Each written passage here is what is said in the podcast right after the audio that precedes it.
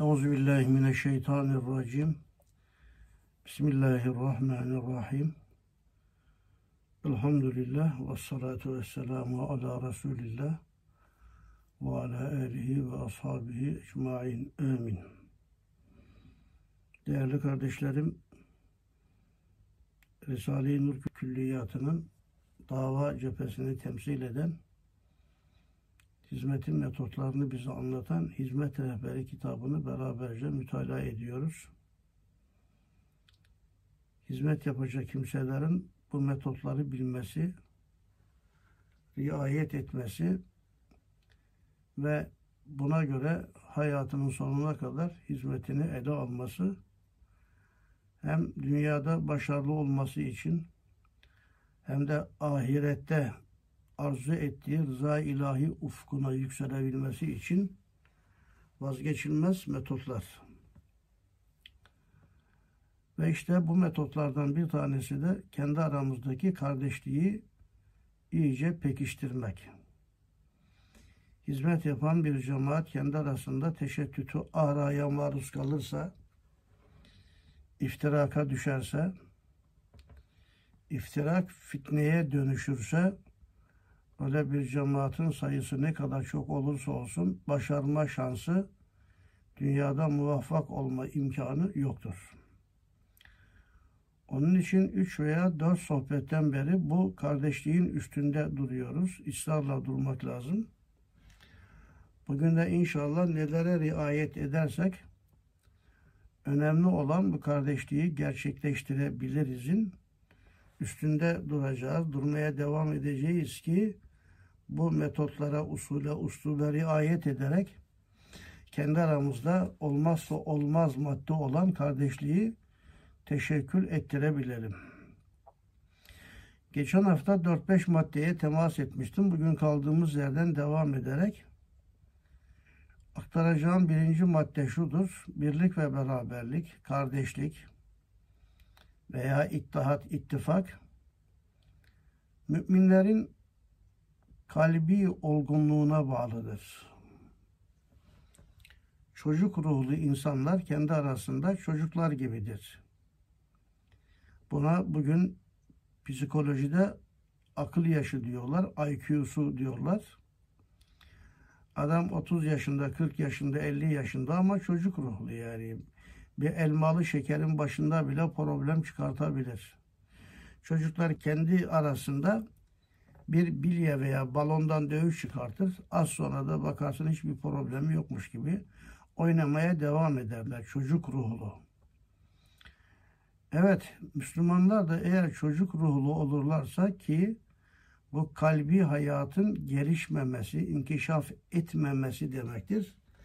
Kendi aralarında çok cüz'i, çok küçük mevzularda bile maalesef problem çıkartacaklar. Ve şeytanın da desteğiyle aralarında korkunç fitneler olacaktır. Kur'an-ı Kerim ittifak ve ittihadı kalbin olgunlaşmasına bağlar. Bir ayeti kerimede Cenab-ı Hak buyurur ki Ya Muhammed Aleyhisselam eğer sen yeryüzü dolusu altın sarf etseydin onların kalplerini telif edemezdin. Ma enfekta fil ardı cemi'an ma ellefte beyne kulubihim. Demek ki kalplerin telifi yani uyumu, iç içe girmesi, birliği, vahdeti kalple alakalı bir şeydir. Cesetlerin bir araya gelmesiyle alakalı değildir. Altın sarf etmekle alakalı değildir. Belli metot ve prensipleri yazıp gel bunlara uyalım demekle de değildir. Kalbin olgunlaşmasıyla alakalıdır ki şu anda kalp üstünde müstakillen duramayacağım bu mevzu Kur'an-ı Kerim'de bir baştan bir sona kadar çok farklı yönleriyle anlatılmış ve zaten imanın mahallinin kalp olduğuna da dikkat çekilmiştir. Hz. Musa aleyhisselam döneminde Hz. Musa'nın bir tek mucizesi karşısında şak şak olan taşlara karşılık Yahudilerin kalbinin çok katı, taş gibi hatta taştan daha sert olduğuna dikkat çekilmiştir. Mesele tamamen imanın mahalli olan akıl da oraya bağlı, irade de oraya bağlı, his de oraya bağlı, latife-i Rabbaniye de oraya bağlı, noktayı istinat, noktayı istimdat, cez ve incizap da yine kalbe bağlı ve insanda bulunan bütün duygular ve sonra ufuleler, hareketler, aksiyonlar, yapacağımız fiiller de yine kalbin durumuna göre şekillenebilecektir, müsbet veya menfi olarak. Kalbin olgunlaşması üstünde çok durmalıyız. Biz bazen meseleleri fikir bazında ele alıp öğrenelim, anlatalım böyle. Bu çok fazla bir şey ifade etmiyor. Yani buna kısmen cerbeze de denebilir. Ükelalık da diyebiliriz. Önemli olan olgunlaşmak, kalbin olgunlaşması. Bunun çok altyapısı var. Kalbin olgunlaşması da iki ana maddeye bağlı. Burada kısaca bunları söyleyeceğim. Bunlardan bir tanesi çile, bir tanesi de sahibi takva olmak. Evet çilesiz insanlar miras yedi yaramazlardır.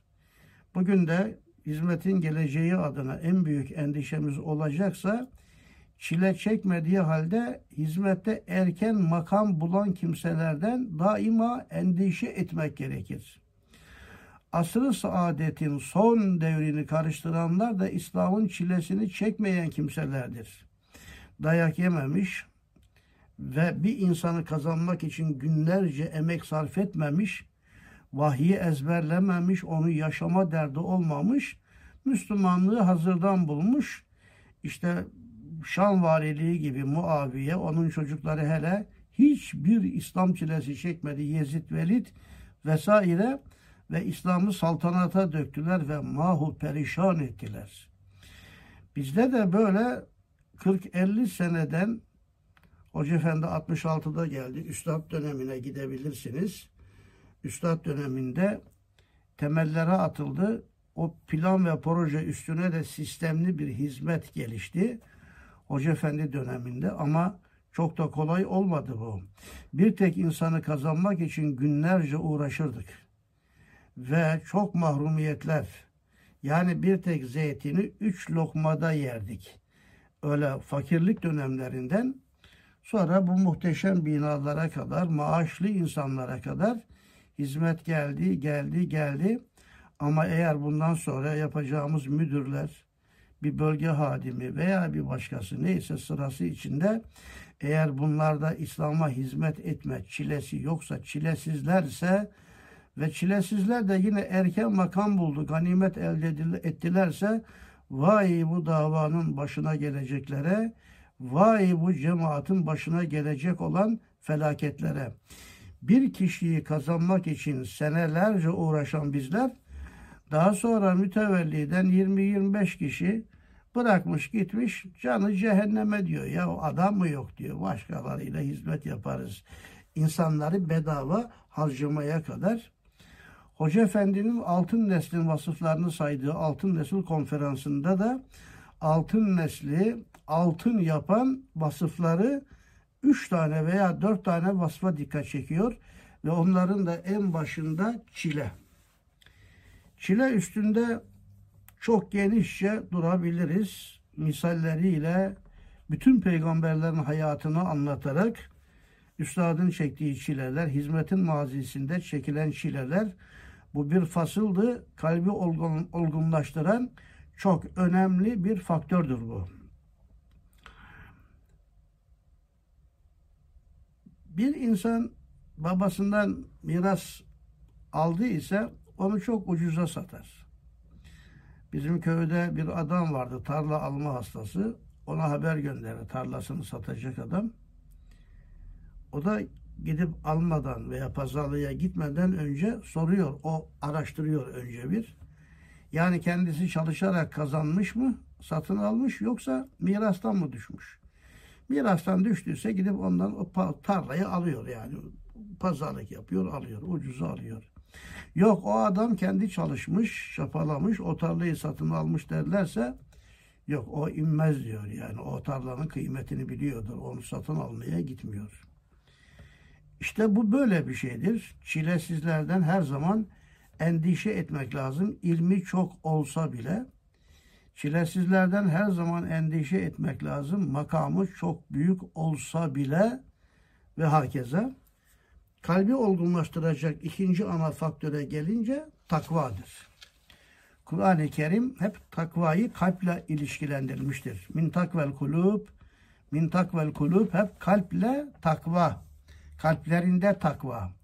Yani insanların fiillerinde takvadan daha ziyade kalpte Allah korkusu.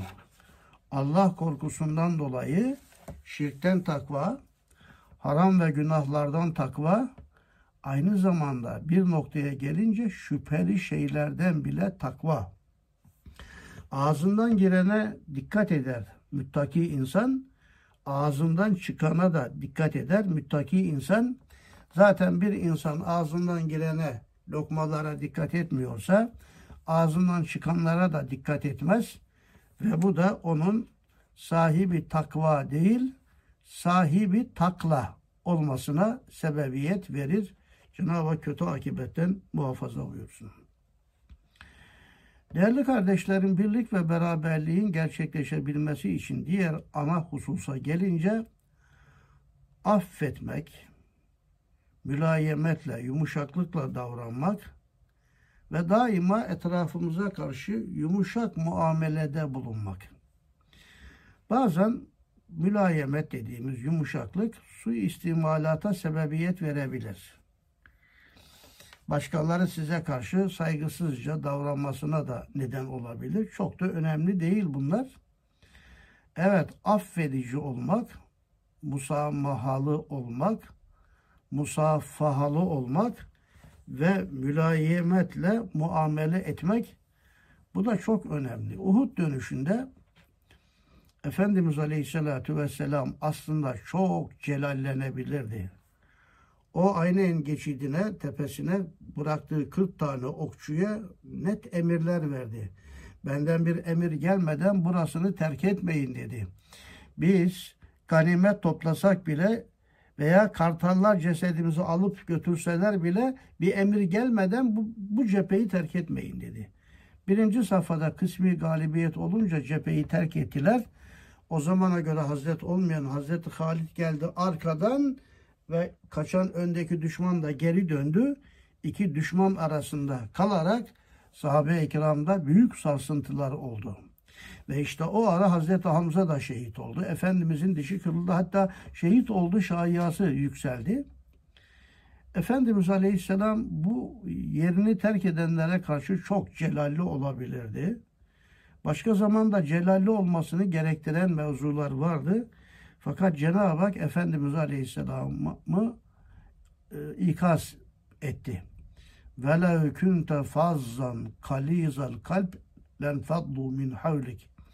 Değilsin ya muhal farz. Eğer sen katı kalpli olsaydın etrafındakiler senin etrafından dağılırlardı.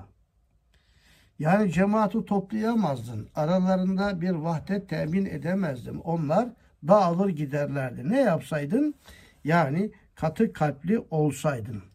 Efendimiz Aleyhisselatü Vesselam daha çok bağışlayıcı, affedici, insanların kusurlarını görmemezlikten gelen, iyi taraflarını gören, iyi taraflarıyla onları metheden ve böylece iyiliklerin yayılmasına, dağılmasına, bütün cemaatin iyilik potasında erimesine sebebiyet veren bir usulle, bir uslupla hareket etmiştir. Bizde ise biz bir arkadaşımızın küçük kusurunu görünce hain dersek, onu atarsak, ya hizmetten çekti gitti o, o gitsin diyoruz. Yani hiç bizim sanki bize farzla el alem kaçsa gitse de olur gibi böyle bir saçmalıkla hareket edersek bu cemaatta vahdeti, birlik ve beraberliği temin edemeyiz. Yer yer kardeşliği, yer yer birlik ve beraberliği temin edemediğimiz gibi. Sahabe-i kiramdan Ebu Mahsura vardır. Efendimiz Aleyhisselam Mekke-i Mükerreme'yi fetih buyurunca biz de diyor sokakta Bilal ezan okuyordu. Biz de sokakta çocuklarla Bilal'in e, sesini taklit ederek alay ediyorduk. O anda Efendimiz Aleyhisselam'mış geldi benim başımı okşadı Dedi seni senin sesini çok beğendim ben. Biz korktuk tabii. Müezzinle alay edince e bu bir cezayı gerektirir. Zaten kuvvetli de Efendimiz. Artık Mekke'yi fethetmiş yani. O anda güç kendisinde. Ve Efendimiz Aleyhisselam ona diyor ki seni Beytullah'a müezzin tayin ettim. Veyahut da o diyor ki ya Resulallah beni Beytullah'a müezzin tayin et. Bir anda içim değişti diyor. Hemen koştum. Kabe'nin damına çıktım ve vefat edeceği ana kadar orada o müezzinliği devam ettirdi. Başında şöyle bir saç vardı uzun yerde sürünecek kadar kakülleri yerde sürünüyordu. Dediler ki Ebu Mahsur'a buna bir makas atsan olmaz mı? Bu yerde sürünüyor. Amanın dedi siz ne diyorsunuz? Zira o saçın o uzun yerindeki o uç tarafına Efendimiz Aleyhisselam'ın mübarek elleri temas etmişti. Gönülleri fethetmek için daima kusurları görmemezlikten gelmek, affedici olmak, bu eğitimde de temel prensiplerden, esaslardan bir tanesidir ve aynı zamanda hizmet yapan kimseler içinde geçerli bir ana prensiptir. Kur'an-ı Kerim'de şu ayet çok geçer. Va'fu vasfahu hatta ye'tiyallahu bi emri. Affedici ol, musammahalı ol. Affedici ol, musammahalı ol. Ta Allah'ın emri geleceği ana kadar Bakara suresi 109. ayetmiş bu. Özellikle güçlü olduğumuz zaman affedici olmak. Mesela kuvvet dengesi içinde biz zayıfızdır. E zayıfken zaten ceza versen de gücün yetmiyor. Ama çok güçlü olduğumuz zaman. Güçlü olduğumuz zaman affetmek bir, iki, başkaları bize kötülük yaptığı zaman da yine affederek iyilikle mukabele edebilmek. Efendimiz Aleyhisselam Mekke fethinde güçlü idi ve Mekke müşriklerini affetti. Affedilecek gibi değildi yani. 13 sene Efendimiz Aleyhisselam'ın çekmediği eza, görmediği cefa kalmadı. Ve Hazreti Nuh'un tufana kadar 850 senede çektiğini Efendimiz Aleyhisselatü Vesselam sadece 13 senelik Mekke hayatında çekti.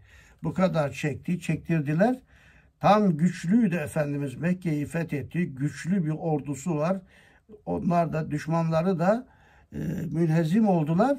İşte öyle bir anda Hazreti Ali Efendimizin de yönlendirmesiyle Efendimiz Kabe'nin duvarına veya kapısında durup La tesribe aleykümül yevm yağfirullahu lekum ve huve erhamur rahimin buyurdu.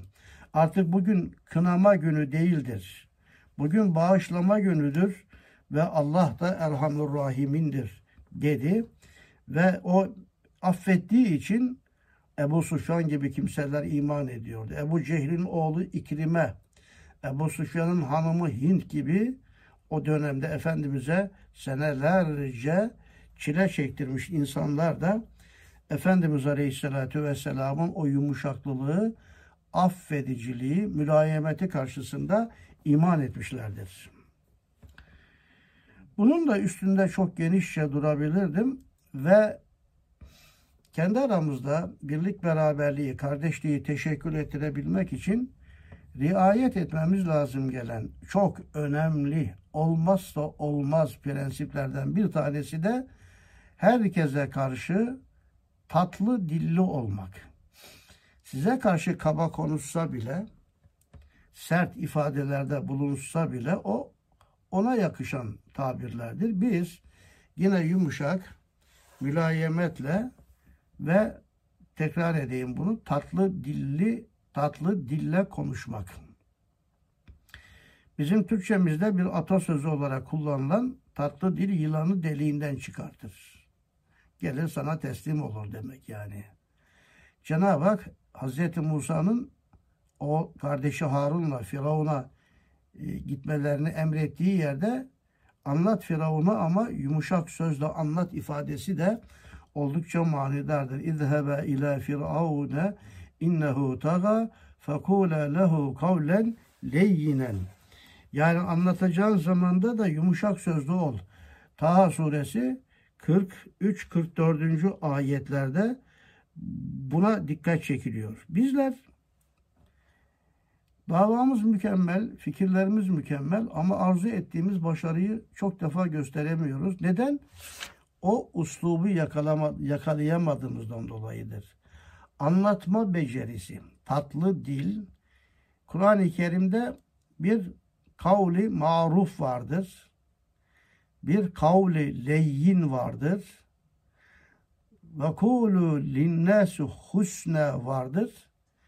Bir de e, kavlen sedide vardır. Dört türlü konuşma tarzı bize sunuyor Kur'an-ı Kerim. Bunların hepsi de yumuşak, tatlı, karşı tarafın kusurunu görmeden yani onun gönlünü, kalbini fethedici ifadeler olarak anlatılıyor. Bütün kardeşlerimizin söz söyleme sanatıyla alakalı bir kitap okumasını tavsiye ederim. Batı klasiklerinden Türkçe'ye tercüme var, tercümeler var kitap olarak.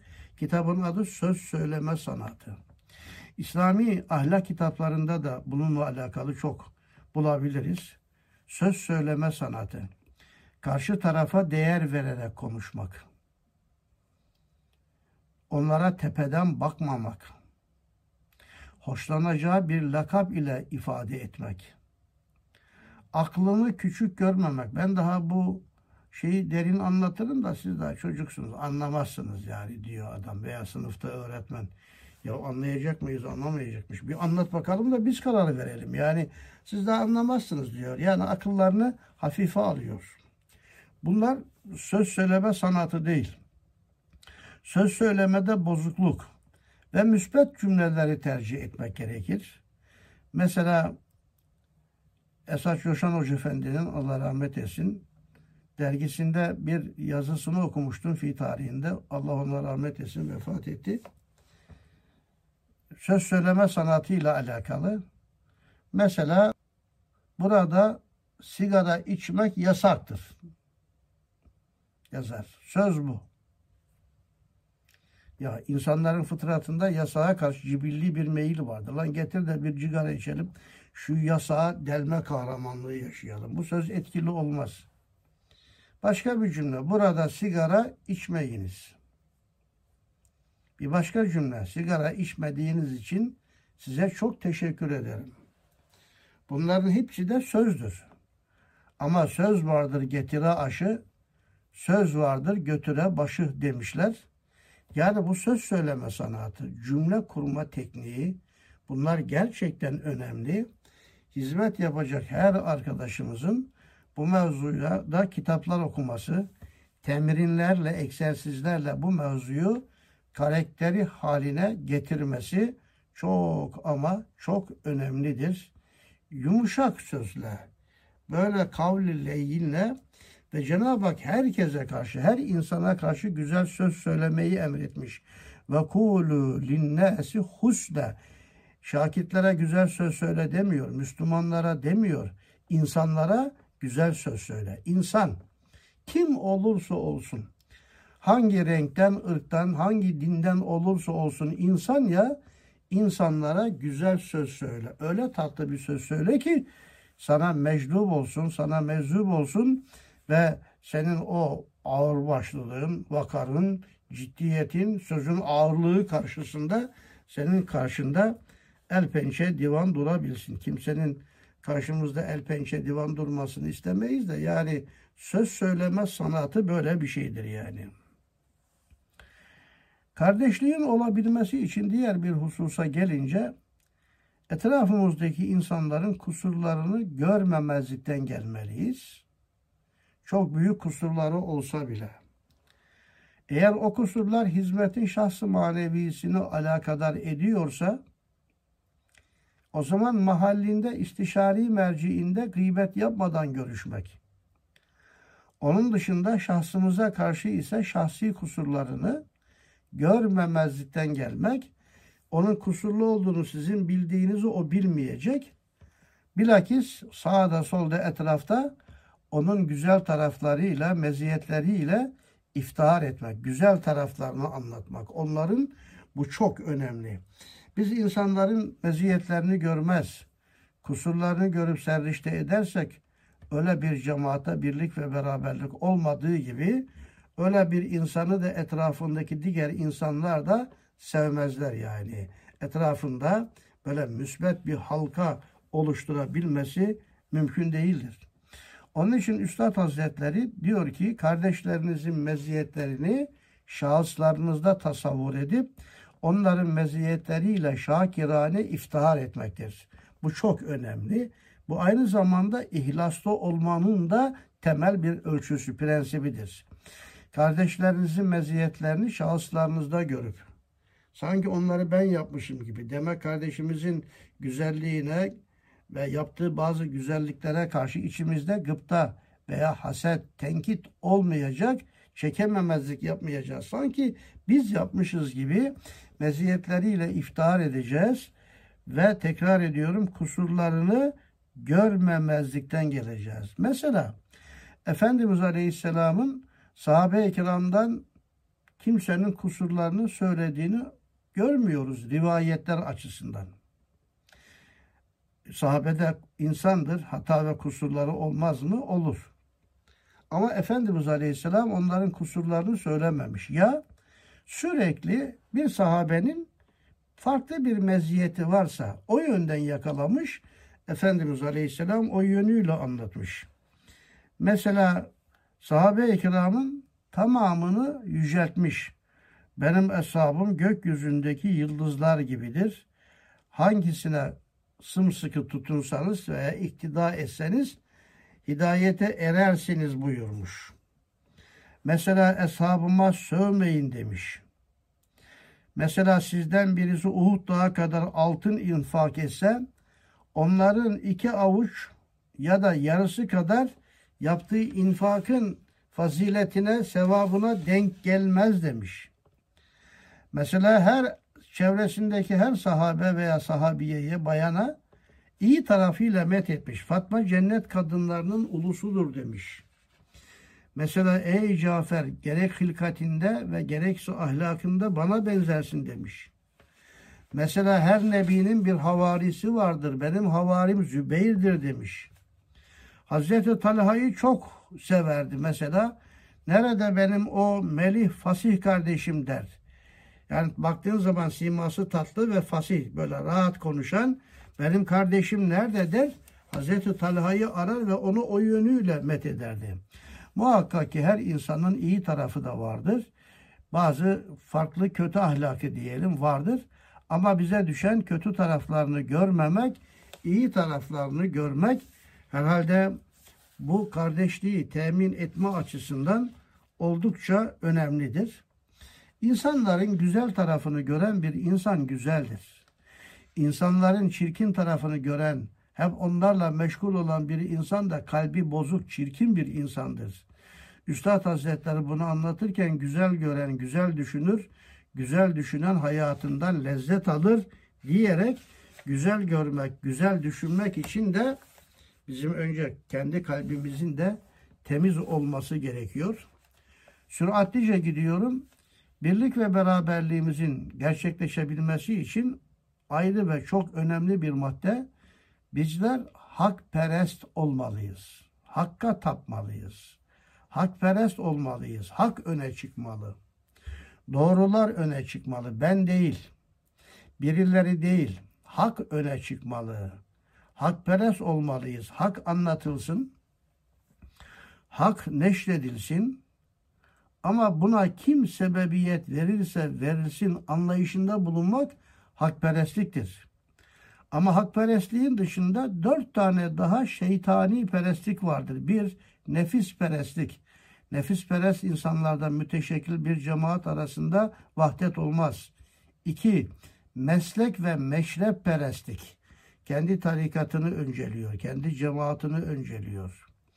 Arasında birliği temin edemez. Üç, siyaset perestlik. Dört, milliyet perestlik. Bu perestliklerin hepsi bir yönüyle şeytanidir. Şeytani tayflara açıktır. Bizler hakperest olmalıyız. İşte o zaman hak edeceğiz. Neye? İstiklaliyete, hürriyete gideceğiz.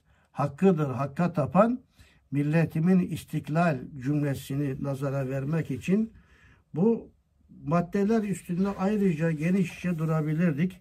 Nefis perestlik nedir? Bin tane şeytanlıktır. Meslek ve meşrep perest de nefis perestlikten bin kat daha şeytanlıktır. Siyaset perestlik de bu meslek ve meşrep perestlikten bin kat daha şeytanlıktır.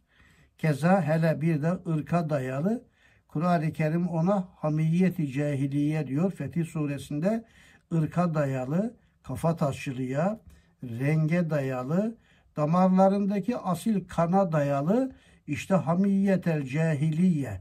Cahiliye adeti bu. Cahiliye milliyetçiliği.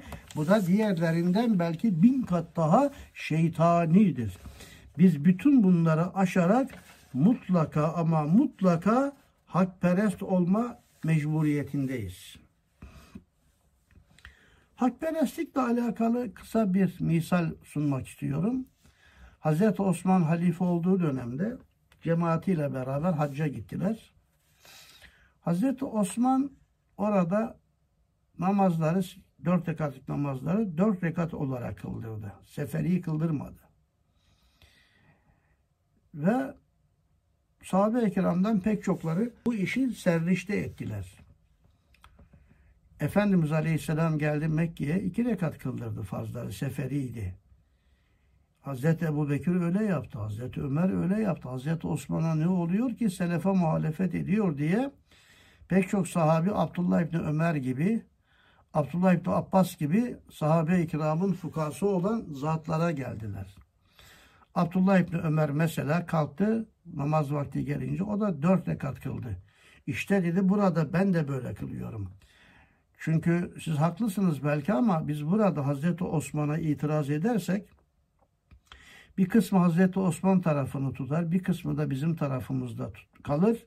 Böylece bu mukaddes beldede hacca gelmiş bir cemaat olarak aramızda fitne çıkar, bölüşür, bölünürüz.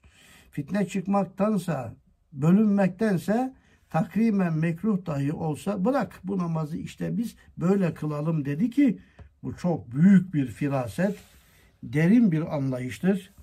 Bu mevzuda o kadar çok misaller söyleyebilirim ki hakperest olmak hakperest olmak çok ama çok önemlidir.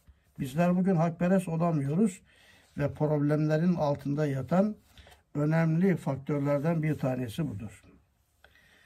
Kardeşliğimizi gerçekleştirebilmek için, devam ettirebilmek için diğer ana bir maddeye gelince mümin kardeşlerimiz hakkında suizan yapmamak, tecessüste bulunmamak ve bunların sonucu olarak da gıybetlerini yapmamaktır.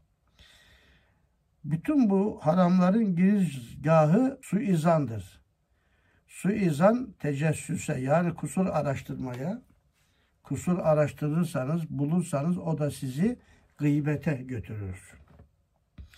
Kur'an-ı Kerim'de Hucurat suresi 12. ayette geçer bu. Ya eyyühellezine amenu cütenibu kesiran minaddan inne ba'da zanni ismun ve la tecessesu ve la yağteb ba'dukum ba'da ila ahir. Ey iman edenler bazınız bazınıza zan etmesin çünkü zannın bir kısmı günahtır. Yani hüsnü zan sevaptır, suizan günahtır. Ve la kusurlarını da araştırmasın. Demek ki suizan yapıyorsa kusur araştıracak. Cenab-ı Hak ahirette niye filanların kusurlarını görmedin diye bize sormaz. Ama niye kendi kusurlarımızı görmediğimizi bize soracaktır. Biz başkalarının kusurlarını araştırmakla din açısından mükellef değiliz.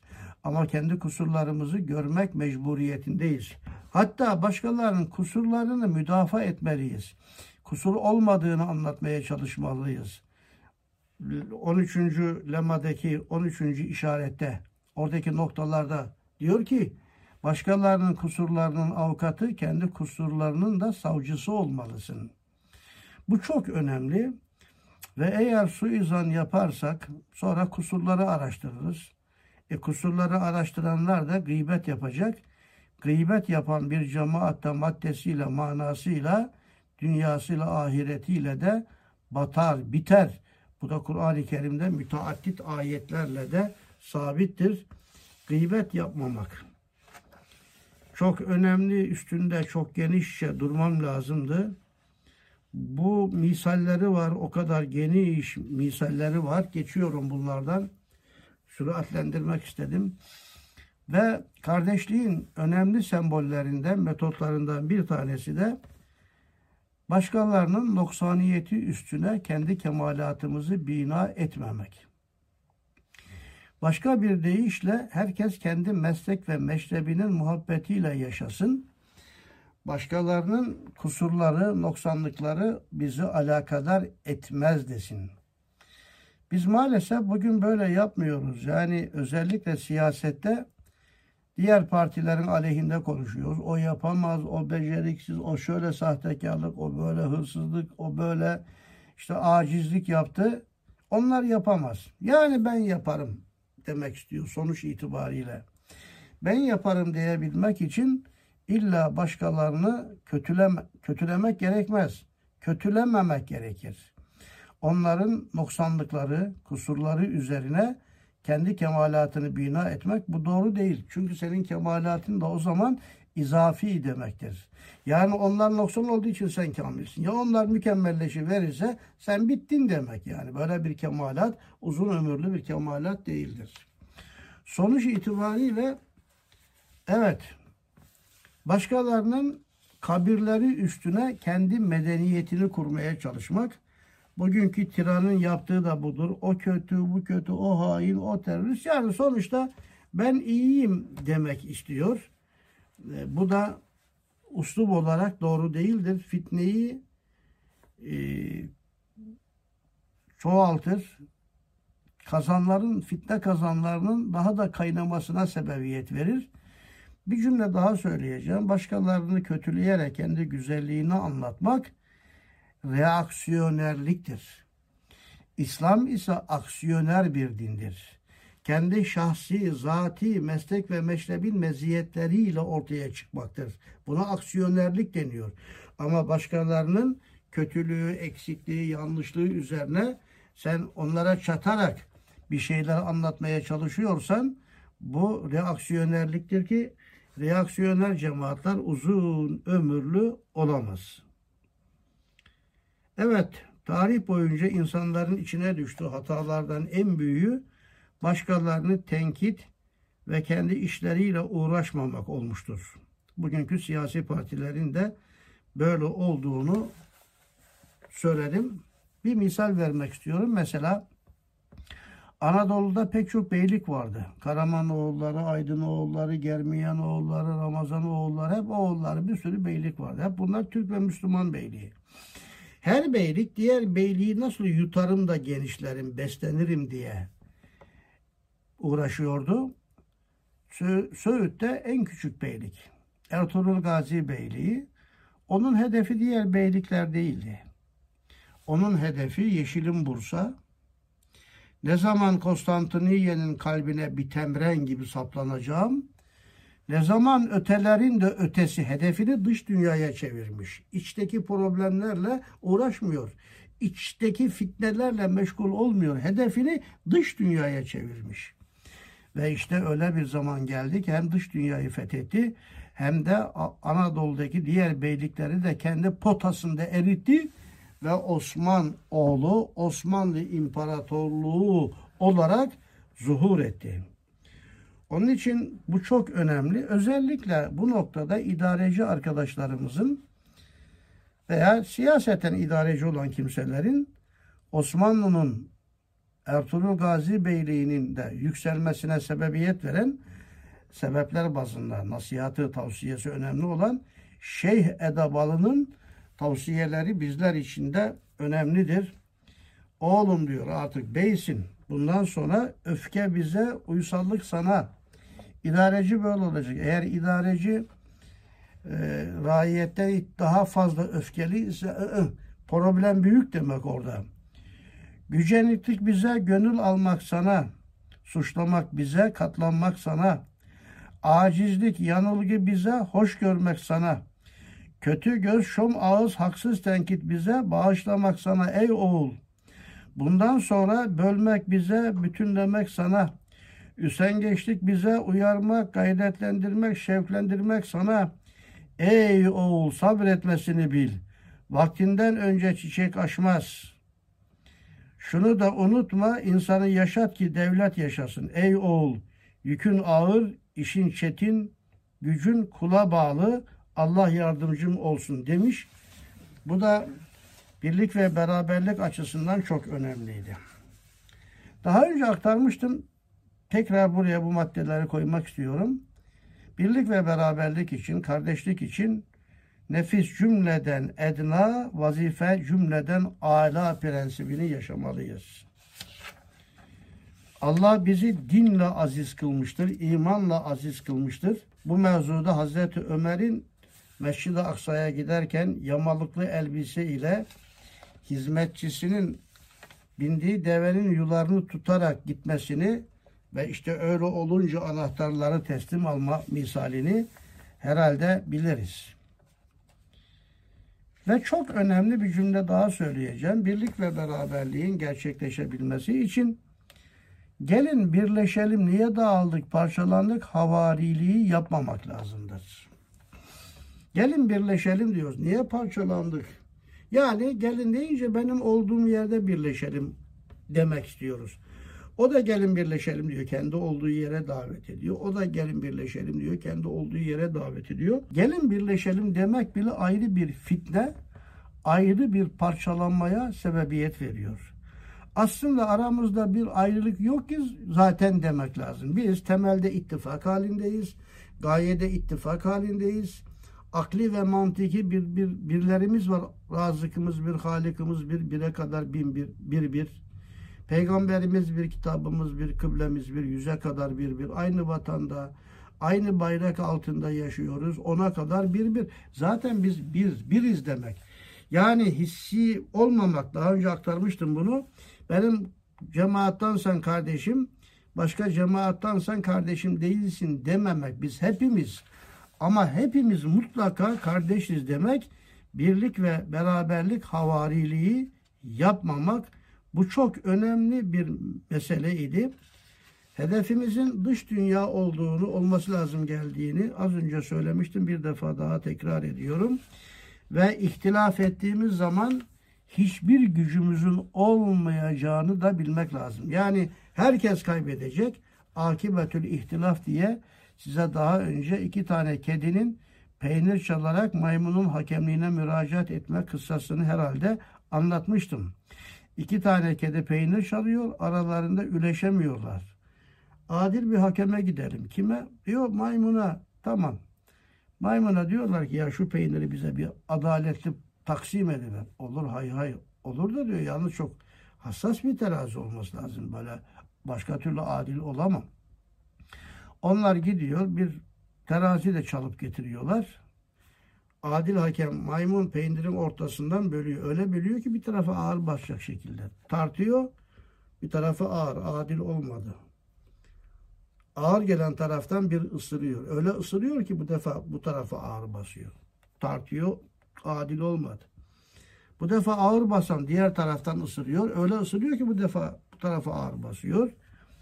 Bir oradan bir buradan en nihayet terazinin kefesinde az bir peynir kalıyor. Kedilerin gözleri açılıyor sonunda. Yanlış yaptık ya. Bari şu peynire sahip çıkalım. Hop o da benim hakemlik ücretimdir diyor maymun.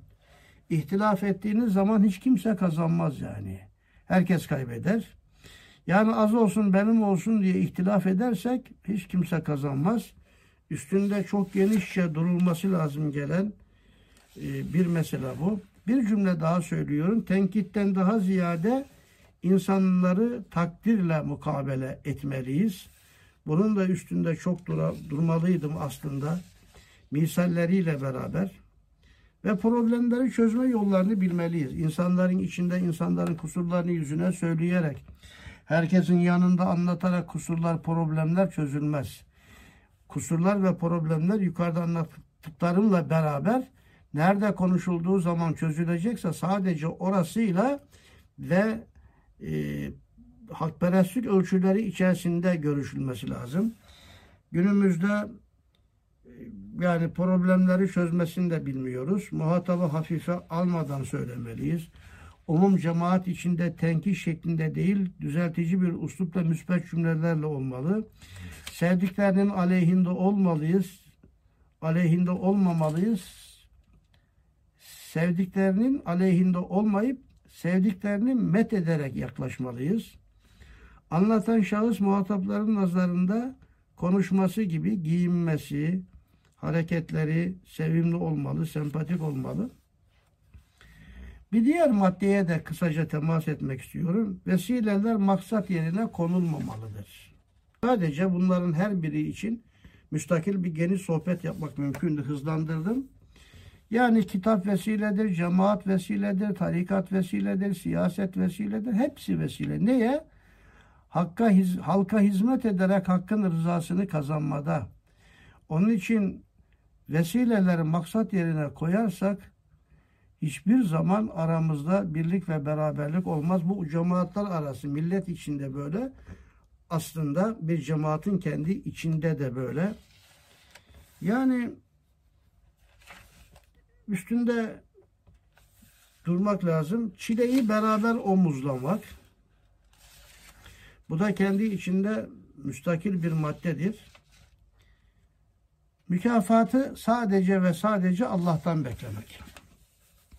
Yani dünya darul hizmet, ahiret darul ücrettir demek. Her yaptığımız bir iyiliğin karşısında bir mükafat, bir ücret, bir ganimet bekliyorsak öyle bir cemaatta kendi arasında vahdetini temin edemez. Ve bir de İthar ufkunda kardeşliğin üstünde ısrarla durmak lazım. Risale kaynaklarını da daha önce vermiştim. Bir diğer de her hak, her doğru her yerde söylenmemeli. Ayrıca haset içinde olmamalıyız. Kardeşlerimize haset etmemeliyiz. Haset iftiraka sebebiyet veriyor. Ve her insanı, her cemaati kendi hissiyatı içinde kabullenmeliyiz, idare etmeliyiz. Ve bir cümle daha söylüyorum. İttihat ve ittifak basiretli itaata bağlıdır. Basiretli itaat. Çok önemli bu. Bizde itaat et kurtul diyor. Öyle bir şey yok. İtaat et kurtul yok. İtaat İslam'da mutlak itaat yoktur. İslam'da itaat basiretli itaattır. Allah'a isyanı götürüyorsa, metotlarımıza tersse onda itaat etmeyiz. Bugün bu medeni kanunlar için de geçerlidir. Kanunlara uygunsa amirin sözüne itaat edilir. Temel ölçülerimize uygunsa biz idarecilerimize itaat ederiz. İslam'da basiretli itaat vardır. Bunu da saatlerce kendi içerisinde anlatabilirdik. Ve ittifakın olabilmesi için bir madde daha söylüyorum. Bizler amirliğe iştiyaklı olmamalıyız. İmarete talip olmamalıyız. Hep başkasına tabi olmayı arzulamalıyız. İdareciliğe talip olanlar eğer cemaatin genelinde böyle bir şey varsa problem oldukça büyük demektir. Ve diğer bir mesele aleyhte gelen fısk haberlerini tahkik etmeden kabul etmemeliyiz. İster hizmetin, isterse bir şahsın, isterse bir cemaatin. Öyle filan şöyle bir iftirata demek öyle mi? Zaten biz de onları çürütmek istiyorduk. Elimize iyi bir koz bulduk. Tamam aleyhinde konuşalım. Böyle bir Müslümanlık olamaz. Onun için bir fasık haber getirdiği zaman onu tahkik edin. Tahkik etmeden de hükme varmayın bir ayettir. Bu Hucurat suresi 6. ayet. Evet bir diğer husus da birlik ve beraberlik değerli kardeşlerim iyi bir fikir işçiliğine bağlıdır. Cahil cemaatin arasında birlik ve beraberlik olmaz. Cahil bir şey anlamıyor, prensip bilmiyor, anlama niyetinde de değil. Ayrıca amellerimize güvenmemeliyiz, ucup içerisinde olmamalıyız ve kendi kalplerimizi telif etmek için hem kavli dua yapmalıyız hem de fiili dua yapmalıyız. Yani benim bu anlattığım üç veya dört sohbetten beri özetle Hele bugün her bir maddesi bir sohbetlik iken hepsini birer cümle içerisinde geçtim. Birlik ve beraberliğin bu şartlarına riayet ettikten sonra ellerimizi ulular ulusu Cenab-ı Hakk'a kaldırıp ey kalpleri eviren, çeviren Allah'ım kalplerimizi telif eyle, bizi bir ve beraber eyle, kardeşler eyle diyerek samimiyetle candan dua duada yalvarmalıyız. Böylece bu bir fikre davet cumhur ulemanın kabulüne vabestedir. Yoksa o davet bid'attır, reddedilir temel prensibini bitirmiş olduk. İnşallah gelecek hafta kaldığımız yerden devam edeceğiz. Evet. 14. maddeden inşallah. Sizdeki kitapta da vardır bu. 14. madde bayağı uzunca bir yer. Orasını okuyacak, orasından alacağımız dersler üstünde duracağız. Heyetinize teşekkürler ediyor. Allah'a emanet ediyorum.